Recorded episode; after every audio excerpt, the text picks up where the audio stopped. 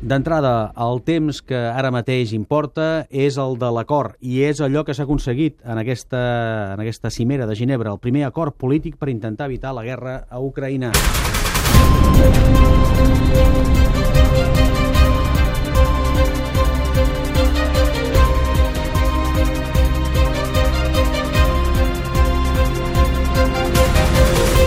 sortit, com dèiem, de Ginebra, on s'han reunit els ministres d'Exteriors de Rússia, Ucraïna, els Estats Units i la Unió Europea. El primer a anunciar-lo ha estat aquest que sentiu, el rus Sergei Lavrov, acord per etapes per desarmar grups paramilitars, evacuar edificis ocupats i amnistiar detinguts. The parties agreed today that all sides must refrain from the use of violence, intimidation, N'ha parlat també el cap, n'està parlant encara el cap de la diplomàcia nord-americana, John Kerry, també l'europea Catherine Ashton, tres veus a la recerca d'una solució, una solució política que no s'avenen amb la veu desafiadora que sentíem unes hores abans a Moscou. О востоке Украины никаких российских подразделений. Нет ни специальных служб, Un нету arrogant Vladimir инструкторов. Putin en una llarguíssima intervenció televisiva. El president rus ha amenaçat d'enviar l'exèrcit per ajudar la població russòfona revoltada avançada a l'est d'Ucraïna. Una veu, la de Putin, que ha passat per sobre de la tensió que es viu a les ciutats russòfones d'Ucraïna i que avui ha sumat més elements. Moscou ha denunciat que Kiev restringeix el pas als ciutadans russos a la frontera i ha advertit, a més a més, que farà el mateix.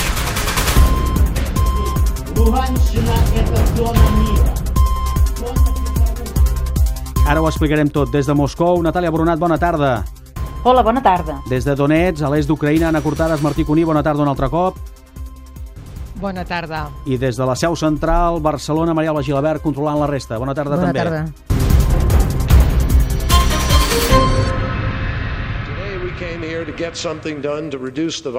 Això és en aquests moments, en aquest hotel de Ginebra, al voltant d'una mateixa taula, aquest que sentim el secretari d'Estat nord-americà, que encara està parlant, l'alta representant de la Unió Europea, el ministre d'Exteriors de la Federació Russa i el seu homòleg ucraïnès. Els quatre asseguts a la taula que han aconseguit arribar a acords per aturar l'escalada de tensió a l'est d'Ucraïna.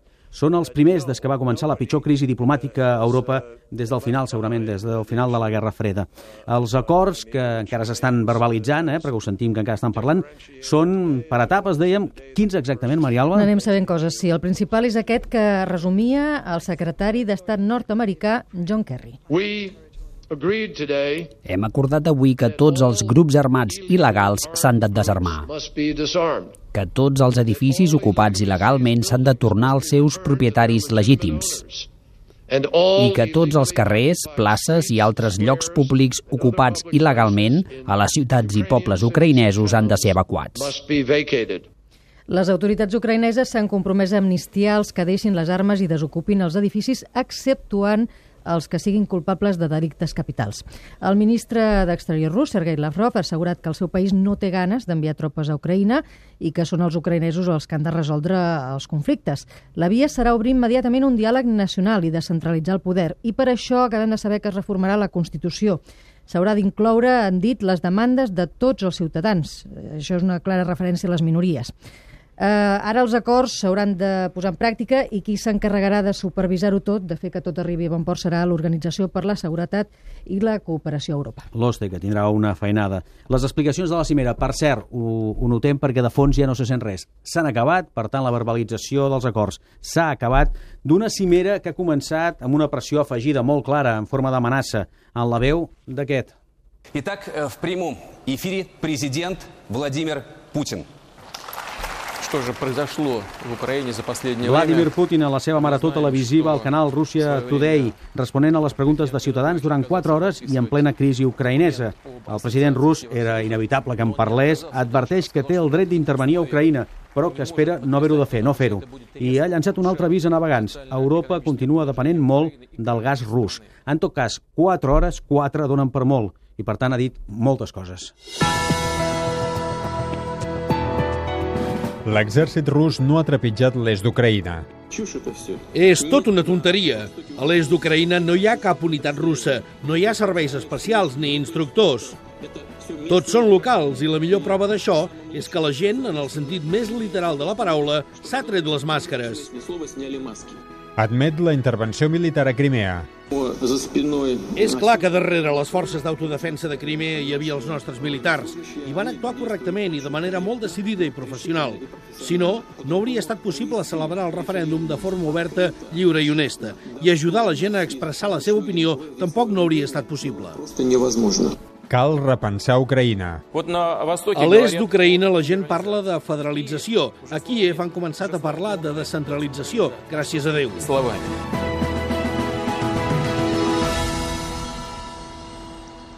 Natàlia, tu que el coneixes i li coneixes aquestes maratons televisives i els tons i els matisos del que diu i per què ho diu i la manera com ho diu, què ha aconseguit Putin amb aquesta aparició televisiva?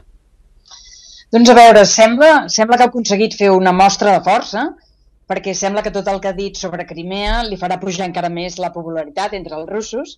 Dic mostra de força perquè el mateix dia d'aquesta reunió de Ginebra que comentàvem, Sí. per destensar la situació a Ucraïna, condemna durament l'actuació de Kiev i diu que espera que no hagi de fer ús del dret que li va donar el Senat d'intervenir militarment a Ucraïna. I també un mostra de força una altra vegada perquè ha alertat una vegada més que el fet que Kiev no pagui el gas pot comportar problemes en el subministrament del trànsit del gas rus cap a Europa. A més, és la primera vegada que ha, ha reconegut que durant el procés d'annexió de Crimea hi hagués desplegat soldats russos, cosa que havia negat públicament en una roda de premsa. Per tant, qualsevol espectador es pot fer avui la pregunta de si d'aquí a unes setmanes confirmarà que, efectivament, ara també hi ha instructors o agents o soldats russos a l'est d'Ucraïna, cosa que avui ha negat. Fins ara semblava que els darrers moviments anaven enfocats a poder pressionar més en les negociacions sobre el model d'Ucraïna que vol Rússia, però la retòrica d'avui de Putin impedeixen descartar que en realitat potser també vulgui annexionar-se al sud-est d'Ucraïna. El que queda clar és que el procés de primer negar-ho i després afirmar-ho podria repetir-se, certament. La sorpresa ha estat, Natàlia, la intervenció d'un ciutadà que viu refugiat a Rússia i que és molt buscat als Estats Units. So I'd like to ask you, does Russia intercept, store, or analyze in any way Aquest que sentiu és l'exanalista de la CIA, en efecte, Edward Snowden. En aquest missatge gravat ha preguntat a Putin si el Kremlin també espia als seus ciutadans de, de forma massiva. Què li ha respost, Natàlia? Doncs que les escoltes massives a Rússia no són possibles perquè els serveis d'intel·ligència estan sota un control molt fort de la legislació i que es necessita una decisió judicial per realitzar-les.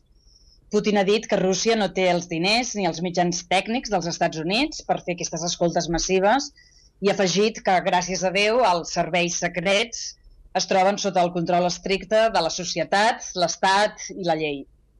Mm -hmm. Doncs a l'est d'Ucraïna és una evidència que s'ha seguit amb especial atenció aquestes declaracions de Putin per si aportava alguna novetat sobre la possibilitat d'enviar-hi tropes. Allà a Donetsk, la ciutat de majoria russòfona i epicentre de la sublevació d'aquesta nova sublevació contra el govern central ucraïnès, i tenim els nostres enviats especials, com ja sabeu. Aquesta tarda heu assistit a mítings eh, prorussos i proucraïnesos, eh? que han fet en aquesta ciutat aquestes últimes hores. Quin ambient hi havia, Anna? Doncs curiosament força més gent a la trobada dels pro-ucraïnesos que al parc, de, al parc de la Victòria just al centre de Donetsk. Allà la gent ens deia que no té cap sentit pertànyer a un altre país i que volen seguir formant part d'Ucraïna.